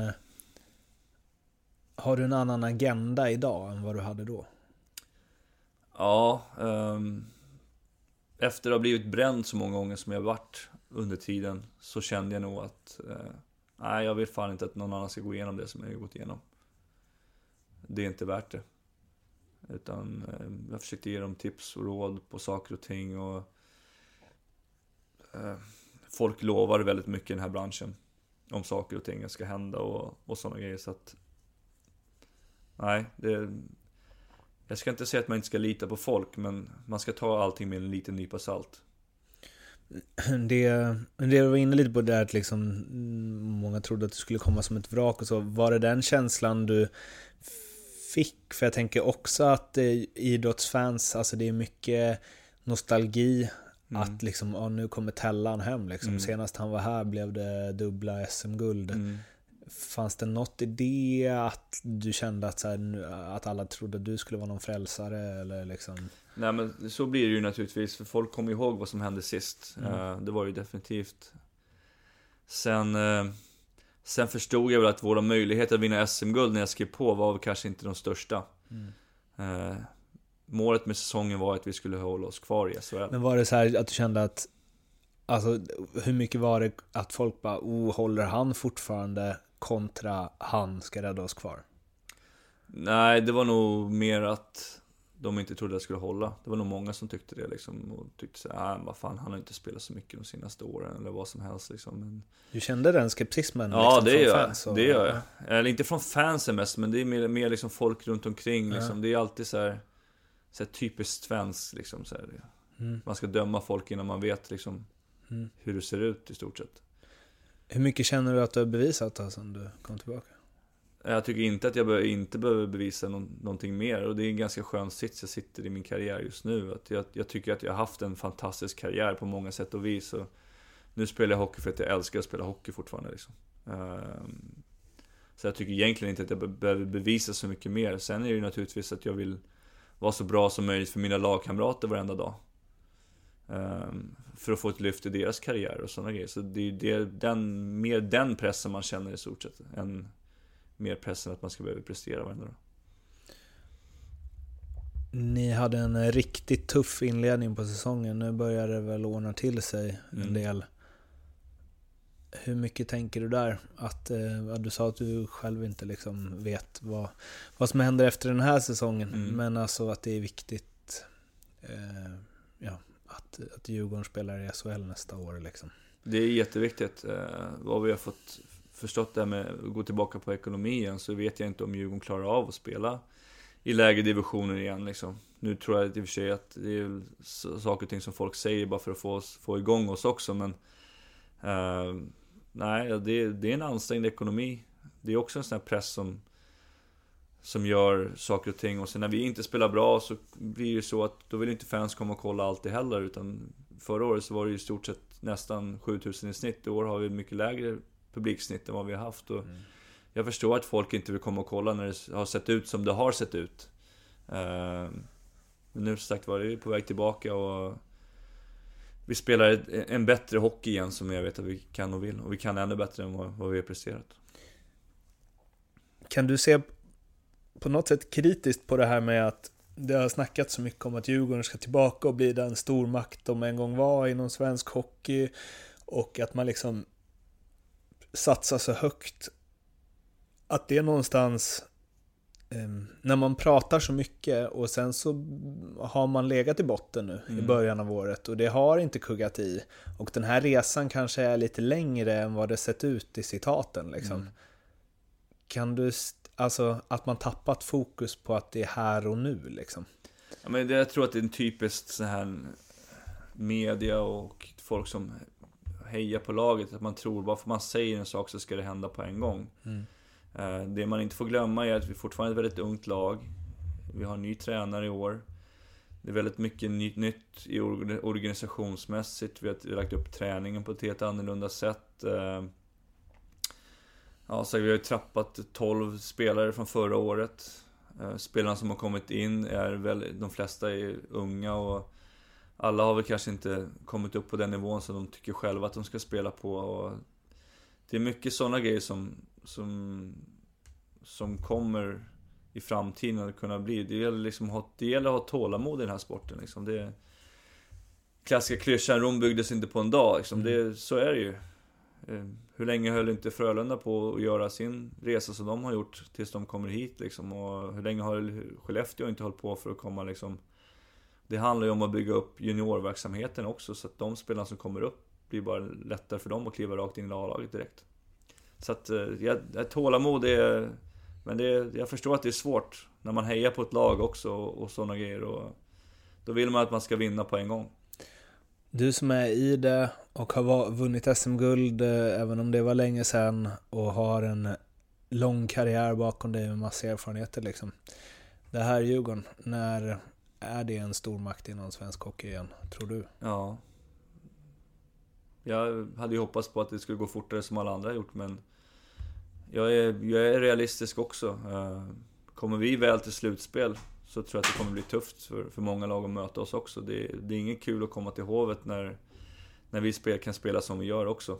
Eh, så att tar vi bara väl oss dit så tror jag att det kommer bli tufft för, för alla, alla andra lag också. Det är inget lag som man känner, man känner så här i, i år bara, som skrämmer en. Det finns många duktiga lag men under en sju seriematch så, så, så vet man aldrig vad som kan hända heller.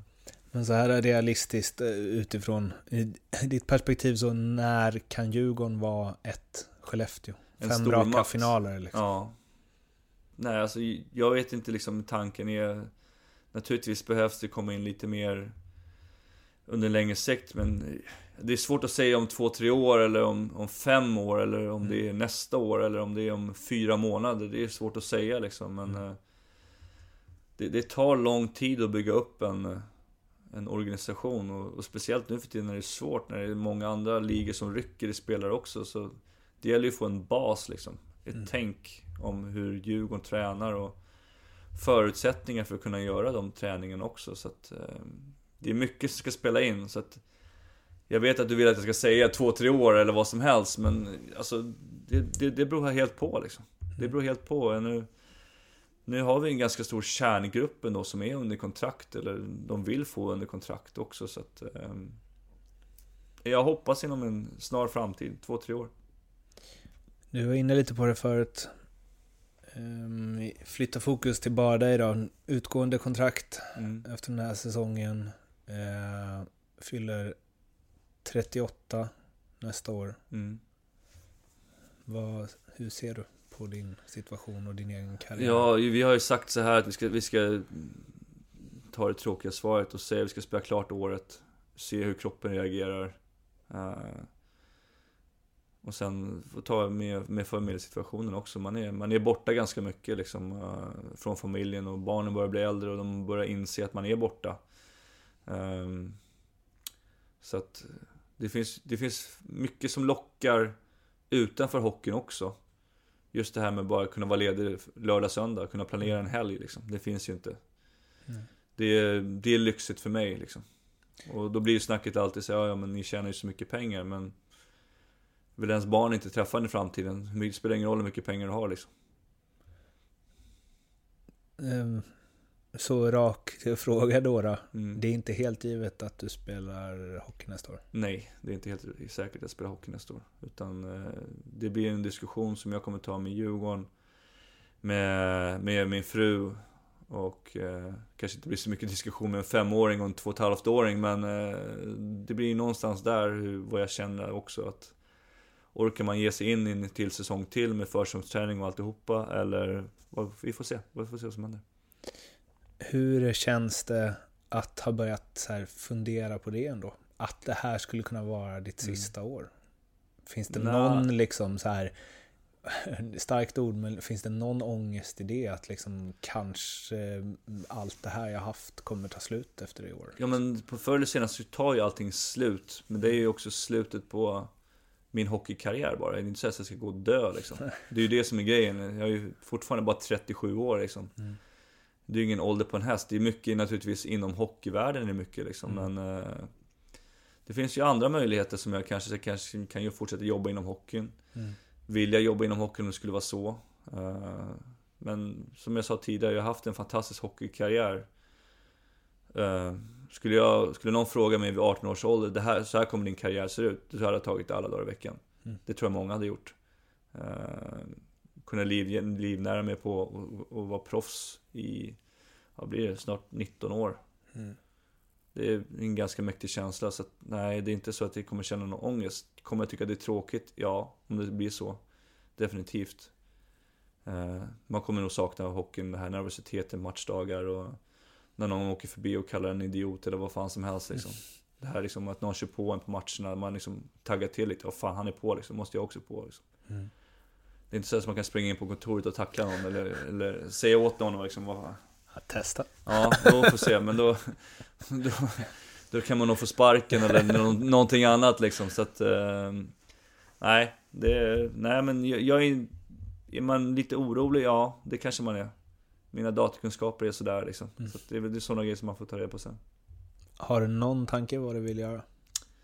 Även alltså den Ja, dagen du eh. Det är klart jag börjar tänka lite i, i vissa banor liksom. Jag har en bred krets med folk som jag, som jag gillar och har arbetat med under längre tid. Eh, Jag skulle gärna jobba, om det skulle bli så, jobba kvar inom Djurgården om det finns den möjligheten. Eh, Men eh, nej, vi, vi får se vad som händer helt enkelt. Det, det är svårt att sitta och spekulera i, men jag har, jag har idéer i alla fall. Sen om det blir i år eller andra år, det får vi se. Ja, jag ska bara gräva lite, lite till. Mm. Lutar det åt någonting? Ja, jag vet att du vill ha ett svar, men nej, inte när jag är mitt uppe i det så lutar jag inte åt någonting. Nej, det gör det inte just nu. Okej. Men jag har inte fått något kontraktsförslag om det, om det är det du menar. Så att, Okej. Ja, men jag får bara liksom, man Ja. får ju en känsla lite efter Mm. hur du resonerar. Ja. Att det kanske är så här, Men jag är ju en tänkare också, jag har alltid varit en tänkare Mm. sista, sista åren också. Så att, eh, jag tycker om att vara förberedd och det är så jag förbereder mig innan matcher också. Jag, jag gör min research på motståndarna, jag gör min research på domarna man får innan matcherna. Man vet att fan idag har vi en dålig domare, då vet jag det redan från början. så är det varje match. Ja, så är det varje... Nej, precis. Nej, men vissa, vissa domare vet man ju att de kan man inte Mm. prata med till exempel. Mm. Då är det ingen idé att prata med dem från början, för de, de backar undan på en gång. Och då vet jag det från början. Då kan jag liksom, behöver inte lägga någon fokus på dem om de åker därifrån. Men om jag gör min research och mitt tänk kring det du har sagt så Mm. säger du att du är nöjd med din karriär, du Mm. känner att du inte har något mer att bevisa. Mm. Du har börjat fundera på liksom så här, pengar betyder inget om inte familjen liksom. Mm. Eh, och du säger att så här, ja, man vet inte om man orkar ladda om en Mm. säsong till. Och det låter ju som att du ändå tänkt rätt mycket på det här och att det kanske inte kommer vara någon jätteskräll. Liksom, om du Nej men det, det tror jag nog inte kommer. Alltså, skulle jag ta det beslutet och säga liksom, att nu är det klart så är det naturligtvis ingen jätteskräll. Jag är ändå 37 liksom. Och mitt kontrakt går ut. Mm. Ehm, och jag vet inte om jag kan spela för något annat lag i, i Sverige igen. Jag vet inte om jag vill flytta på mina barn som ska börja skolan snart Mm. och sådana grejer. Igen. Så det är klart inte det är någon jätteskräll, men sen betyder ju inte det att jag har tagit ett, ett, ett, ett sista beslut. Mm. Men det är återigen det här med att jag tycker om att vara förberedd liksom. Så att när väl den dagen händer, om den skulle hända, att när jag, när jag trycker på off-knappen att jag inte bara står där som ett, bara, "Ah, vad fan är det som Mm. händer liksom. Är det viktigt för dig att du tar det beslutet? Det är viktigt att vi tar det beslutet. Ja. Det är inte bara jag som är... Sen jag jag tänker, är skaffade... det viktigt att du, att du bestämmer när du lägger av, inte att en klubb är liksom såhär, nej, ingen vill ha dig. Ja, jo men... Om ingen klubb vill ha en så är det ganska enkelt beslut. Då är det såhär, ja ja vad fan, ja ja. Inte så mycket mer med det men... Är det speciellt om någon klubb skulle säga att de vill ha en och man tackar nej? Ja, kanske. Själviskt, kanske. Mm. Skulle vara en skön känsla. Man fortfarande känner att man har mycket att ge. Om Jocke Eriksson ringer imorgon och säger Tellan jag vill snacka nytt kontrakt nästa säsong, Mm. vad säger du då? Då kommer jag säga att jag väntar tills efter säsongen, får vi se vad som händer. Nu ska vi in på det här göttiga när jag har kollat vilka spelare du spelat med genom åren. Och Alltså det är helt sjukt många. Jag gjorde en aslång lista som jag har kortat ner lite. Mm. Men jag vill bara liksom, Tom Barrasso var vi inne på, Ed Belfour, Curtis Joseph nämnde vi också, Phil Housley, Owen Nolan, Brian Leach, Ron Francis, Eric Lindros, Michael Pekka. Mm. Alltså det är hela mitt album med hockeybilder liksom. Mm. Ett Hall of Fame bara, bara Ja, det är där, helt sjukt. Ja. Eh, Och många av de där var ju ett år också i Toronto tror jag. Ja. När de gick till, när de gick till konfer- konferensfinal. Det var mer tredje slips men eh, men ändå. ja. Jag fick äran att hänga runt dem. Det måste ju vara, eh, alltså... Ja, nej men, nej, men det, de är ju... Det är svårt att förklara. Det är, det är ju... Jag blir inte ofta så starstruck heller när det gäller, just som jag berättade tidigare, det här med Wayne Gretzky, så vart jag väldigt starstruck liksom. Mm. Men eftersom jag känner de personerna, eller känner, men jag har ändå umgåtts med de personerna på en, på en privat... Så blir ju de inte uppe på någon piedestal eller vad som helst, utan det är ju, det är ju människor också som, som älskar hockey lika mycket som jag gör. Mm. Sen att de är otroligt skickliga på det de har gjort. De flesta har ju slutat nu så att, Mm. eh, men eh, Det är också så här, man säger, ja men han har jag spelat med liksom. Det är som du säger liksom, vad fan Häftigt liksom. Alltså, men det är ju liksom ett helt jävla att- all-star-lag liksom. Ja, det är det. Och många av de här killarna är ju liksom Bra killar, rakt av. Det är därför de har kunnat spela på den här nivån så många, så länge liksom. Vad är, alltså, det måste, den bästa historien? Känner jag bara. Ja, ja, det finns många bra historier om alltihopa, men jag kommer ihåg eh, Vi var i San Jose en gång och då var Owen Nolan som har spelat, spelade ganska länge i San Jose Sharks. Han och Ed Belfour var ute och jagade en dag. Och så fångade de ett vildsvin och så körde vi en grillfest på kvällen till exempel. Bara en sån grej liksom. De visade bilder på när de skjutfält ett vildsvin med, med pilbåge liksom. Tom Barrasso, han bröt handen tror jag i sin sista match han spelade i Toronto. Men då var han tvungen att spela den matchen för att få ut en bonus. Så han spelade med bruten hand sista matchen. Och sådana grejer. Vilken av händerna? Plocken eller? Ja, det kommer jag inte ihåg vilken hand det var men han, var, hade, hade mycket såna grejer för. Han, hade, han bodde i Carolina och skickade kemtvätten till New York och sådär. Det var mycket här grejer liksom, han hade för sig liksom. Det, det är unika människor alltihopa liksom. Det, det är det verkligen. Ed Belfour var ju Ed Belfour liksom. Han... Många som tyckte han var liksom grinig gammal gubbe, men liksom, han var alltid snäll mot mig liksom och sådana grejer. Han kunde köra med materialarna och han höll på med sin utrustning väldigt mycket. Eric Lindros och... Erik Lindros är tuff spelare på isen, men teddybjörn utanför. Ja, det så alltså? Ja, sjukt snäll människa liksom. Okej. Det är samma med Ty Domi också. Ty Domi är också otroligt snäll människa, i alla fall mot mig hela tiden. Och, För det är också ett namn jag har skrivit upp här. ja, han kan nog synas som ganska hård utåt, men jag tror också det är liksom Ganska. att... Väldigt ja, precis, jag väldigt säga. hård. Ja, men är inte bara på isen utan liksom mot folk han inte känner också för att han är liksom inte säker på att folk vill utnyttja på ett eller annat sätt liksom. Det, det blir lätt så i den här branschen att man är lite folkskygg när det gäller vissa saker. Mm.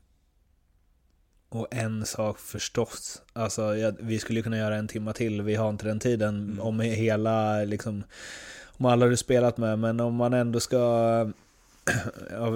om man ändå ska plocka ut en som är liksom, alltså, om du ska förklara vad Mats Sundin var och är, men kanske framförallt var då i Toronto. Ja, alltså han... eh, Ja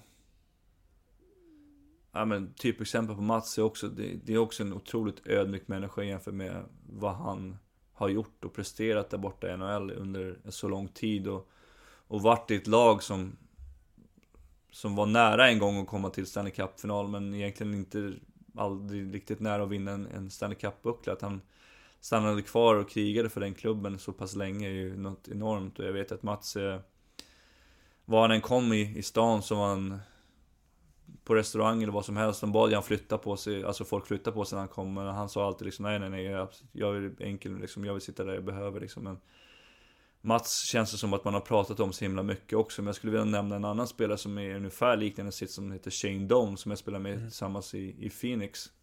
Som har varit i samma organisation ännu längre än vad Mats har varit. Han har ju varit med sedan Winnipeg-tiden, när Winnipeg gick från Winnipeg ner till mm. Arizona. Och aldrig bytt klubb heller.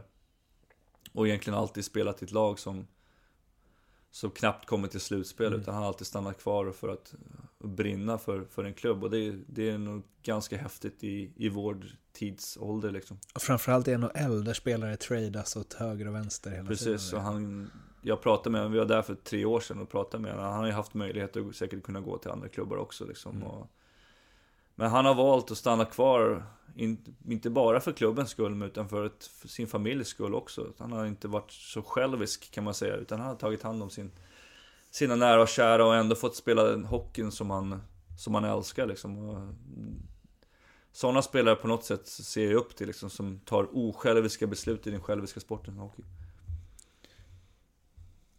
Ah, en sista spelare. Mm. Eh, vi var inne på det lite i off-pod. Ilja Bryskalov. Mm. Don't worry, be happy. Mm. Mr Universe. Ja. Eh, hade ni många goa rymdsnack eller? Ja, han, han, är, han är en ganska speciell människa, det är han. Eh, han kom ju från Anaheim. Eh, mm. När han var där och... Han bakom Shiger tror jag. Mm. Och blev tradad till oss vi var två målvakter och då ville de få in, eller vi var till och med fyra målvakter tror jag. Då var jag, David Abisher var där, en målvakt som spelade i mm. Colorado mm. ganska länge och sen eh, eh, Alex Old som kom från eh, Vancouver och Florida till oss. Så vi var tre målvakter på campen. Abisher skickade dem sen tror jag till farmarlaget och Old ville de att de skulle spela som första målvakt men sen gick det väl sådär tror jag och då tog de in Bruskalov och sen skickade de han också. Så det var jag och Bruskalov kvar. Men eh, han hängde ganska mycket för sig själv faktiskt. Mm. Lite ensamvargaktig liksom. Otroligt skicklig målakt och jag tror han trivdes ganska bra med att vara i en, i en marknad där det inte var så mycket media liksom. Mm.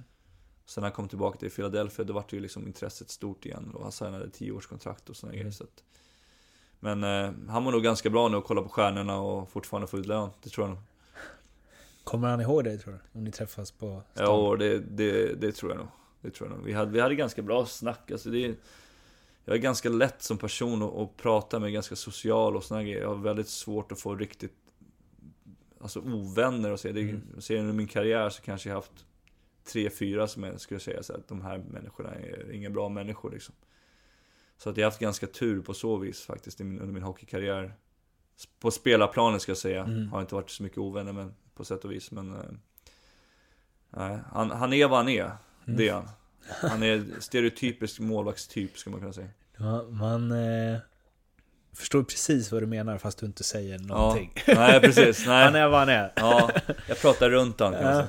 Men inga rymd, eller du var inte inne och bollade där? Nej, liksom. han, nej han, han, han, tyckte väl om att prata om konstiga saker Men hans, hans engelska var ju till och från Det blir ju extra roligt med hans engelska ja. Det finns ju ett klipp där han är uppe i, Mon Edmonton också och pratar om vädret liksom okay. och, eh, Om man inte har sett det så ska man gå in och kolla på den Det är ja. jävligt roligt också Han pratar om Chris Pronger tror jag okay. Så gå in och kolla på den sen, det ja. rekommenderas Vi ska avsluta med en äh, enkät som jag alltid avslutar med Vissa av de här frågorna har du fått innan och vissa inte. Mm. För jag vill ha någon form av eh, överraskningsmoment. Mm. Förutom Foppa, Sudden och Lidas, vem är Sveriges bästa spelare genom tiderna? Oh. Uh, bästa spelare? Henrik Zetterberg. Det här är ju egentligen en fråga till utespelare, men jag får, till utespelare lyder den Tror du att du hade spelat i första femman i alla NHL-lag 1990? Och till dig blir det ju istället då, tror du att du hade vaktat eh, kassen eh, som förstemålvakt i alla NHL-lag 1990? Jag hade nog haft en större chans med den spelstilen som jag har nu eh, att spela NHL på och få fler matcher, ja. Eh, jag tänker också att, att det har utvecklats så pass mycket sedan Mm. dess så att man hade varit mycket bättre än de som var då. Tror du det? Ja, det tror jag. Eh, Mm. Med den kunskapen som man har med, med skydd och såna grejer som man har nu också. Eh, då var det ganska korta skydd. Man Mm. spelar med längre skydd idag, så att det tror jag nog. Förutom eh, Wayne Gretzky och Mario Lemieux, vem är världens bästa hockeyspelare genom tiderna? Oh. Sergej Makarov. Om du får tänka helt fritt, eh, vilken regeländring, hur galen den än må vara, hade du velat se inom hockeyn? Jag är så här, jag tycker om hockeyn som den är. Eh, Vi har så mycket historia inom hockeyn också, så att nu kanske jag blir lite för utförligt svar, men Ska man hålla på att ändra för mycket också, det här med att snacka med att göra större mål och såna här grejer, så då måste man ju ändra på alla rekord som har varit också. Så jag tycker hockeyn är, hockeyn är bra som den är. Sen eh, behövs det väl lite små justeringar här och var också naturligtvis. Men eh, de justeringar som har gjorts, jag gillar det här med eh, Coaches Challenge som de har borta i NHL. Ganska häftigt, det tror jag kommer införas här också i SHL snart. Jacke Blomqvist har ju tagit bort alla linjer Ja, på hela ja isen. då kommer det bli mer hjärnskakningar kan jag- Då blir det High Chaparral liksom. Det var ju bara för att han skulle kunna ligga uppe och fiska offensivt. Ja men det är bara för att de ville ha liksom mer mål säkert också. Exakt. Eh, Den bästa spelaren som du har spelat med? Och då vem, du- inte så här namnmässigt, utan vem du faktiskt tyckt varit bäst? Alexander Mogilny. På vilket sätt? För att han var så sjukt överlägsen när han väl var på. Mm. Han kunde göra vad han ville på, med pucken och sådana grejer. Han, han var läskigt bra faktiskt. Eh, att kunna dominera på det sättet att han kunde dominera när han väl i världens bästa liga. Mot spelare som man kunde liksom Som var sjukt bra också. Man kunde För att citera Jonte Hedström, pissa på dem i stort sett liksom. Mm. Det, nej, han var sjukt bra. Den bästa spelaren som du har mött, också där liksom inte det största namnet, utan den som du tycker har varit svårast att möta. Ja. Svårast att möta. Det är också nu, jag har ju spelat mot så himla många spelare, men jag, jag tyckte någonstans Christian Huselius när han kom in på frilägen tyckte jag var svår för att han hade så lång klubba på något sätt och vis. På, han, på något sätt så kunde han dra ut pucken så himla långt och så kunde han skjuta längst utifrån också liksom. Okay. Från vinklar som det var svårt. Så att, jag har inte spelat mot honom så jättemycket, men jag kom upp på träningen med landslag och, och sådana grejer så och på försäsongen var jag alltid med också, så att nej, han tyckte det var svårt. Den bästa lagkamrat du haft, eh, det vill säga den som, om du ska liksom, så här ska, ska man vara i ett omklädningsrum och i ett lag. Shane Doan, som jag haft tidigare. eh, han brydde sig om alla i ett omklädningsrum. Och, eh, han var alltid sist ifrån omklädningsrummet. Han körde den gamla klassiska Navy Seals-grejen. Nobody gets left behind liksom. Det var hans motto liksom. Var, så att, eh, nej, han skulle jag ta med mig i krig alla dagar i veckan. Du svarade på det förut, men ja, har du blivit starstruck någon gång? Ja, När Gretzky med Gretzky ringde. Definitivt. Hur mycket tjänar du? Hur mycket jag tjänar? Gott med pengar. Nej, men, eh, det är även fast det blivit mindre i år än vad det jämfört med förut, men... Eh, ganska, jag, jag tycker att det, det är alltid typiskt så svenskt också. Så. Men jag tjänar, jag tjänar bra med pengar, det gör jag. Det gör jag. Det är därför du inte fått något nytt kontraktsförslag. Ja, precis. Jag har tömt kassan, det är det som är grejen. Nej men... Eh, lön, lön är intressant, det är det ju definitivt. Menar, vi hade ju inte gjort det här på, på den här nivån under så lång tid om det inte varit lönsamt heller. Eh, så är det ju. Eh, vi får ju betalt för att... Klubben får ju betalt också i stort sett. Vi är ju som artister i stort sett, eller vad som helst. Och det är intressant det där med det snacket som alltid är, liksom att vi är överbetalda och sådana grejer. Men eh, när man väl levererar så är det aldrig som säger att man är underbetald heller. Det är alltid det snacket. Hade du varit fine med öppna löner? Jag tycker att det vore bra, ja. Och då var det öppna löner när du spelade i NHL ju. Mm. Vad tjänar du som? Ö, 800 000 dollar om året. Jävla mycket pengar. Mm. Ja, det är väldigt mycket pengar. Så vad, vad, Då spelar det ju roll faktiskt om dollarn står i 5 eller 9. Ja, jag tror dollarn stod i typ 8 då eller någonting. Ja, då hade sen är det ju 50% ja, skatt tror jag någonting. Någonting. Så att nej, det, det är klart det är sjukt mycket pengar. Det är det. Eh, din största framgång som hockeyspelare? Ja, det är lätt att s- sätta säga SM-guld och, och sådana grejer. Men jag, jag, att jag har kunnat spela på absolut högsta nivån i 19 år är någonting jag är otroligt stolt över. Din största, ditt största misslyckande eller din största motgång? Det finns så många motgångar också, det är det som är grejen. Eh, Men en av de stora var nog när jag kom över till Nordamerika och tog plats i eh, NHL direkt. Det tror jag nog. Eh, Då, då var det tufft. Vad är det sjukaste som har hänt dig inom eh, hockeyn? Det sjukaste som har hänt inom hockeyn. Som du kan säga on tape. Jag, jag spelar med spelare som har skrivit upp sina telefonnummer på klubban. Under uppvärmning till match så åkte de till sargen och bara visat upp telefonnumret till tjejer som står runt och har spelat med. Jag har spelat också- med folk som har kommit till träningen med två vänsterdojor för att de fortfarande är packade liksom. Är det så? Ja. Så att, eh, eller de är packade och, höga på sömnpiller. Så att det, det finns ju liksom folk som har brottats med fyra liksom lagkamrater liksom för att de är så packade så de vet inte liksom, de tror att det är någon annan liksom och sådana grejer. Så att det Det är mycket med alkohol och sådana grejer som, som har hänt liksom.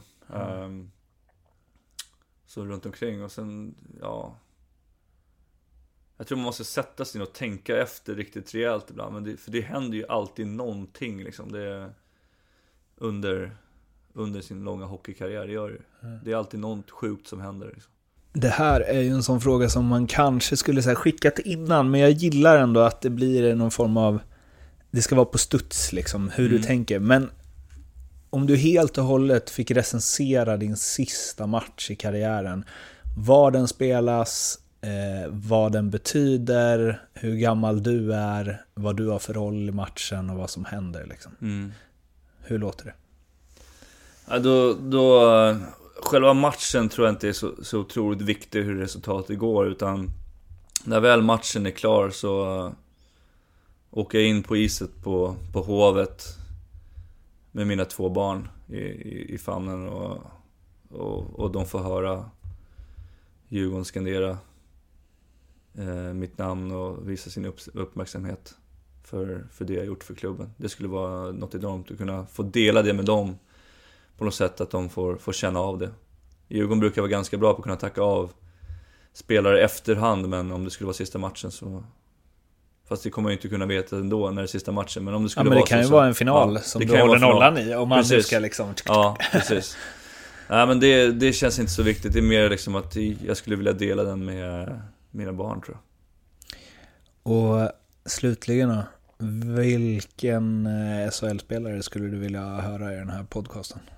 Ja, men jag, är, jag är lite svag för, för målvakter. Jag skulle vilja höra lite mer om Joel Lassinantti, vad han har gått igenom. Eh, för där har du en kille som har fått, tror jag, för jag vet hur hårt han jobbar med mentala biten. Mm.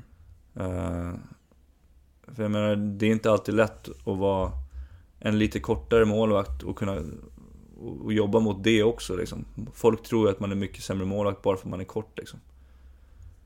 Folk har ju sagt typ du kommer inte bli en världsmålvakt bara för att du är kort och han har tycker jag bevisat tvärtom utan han har tagit sig till landslaget och det är sådana människor som jag tycker att det är jävligt häftigt.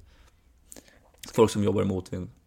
Ska jag Så- passa den vidare till honom? Ja, fråga. Mm. Fråga om han vill vara med. Det vore, det vore kul och intressant att höra hans resa som han har tagit till att bli en av de bästa målvakterna i SHL. Det vore häftigt.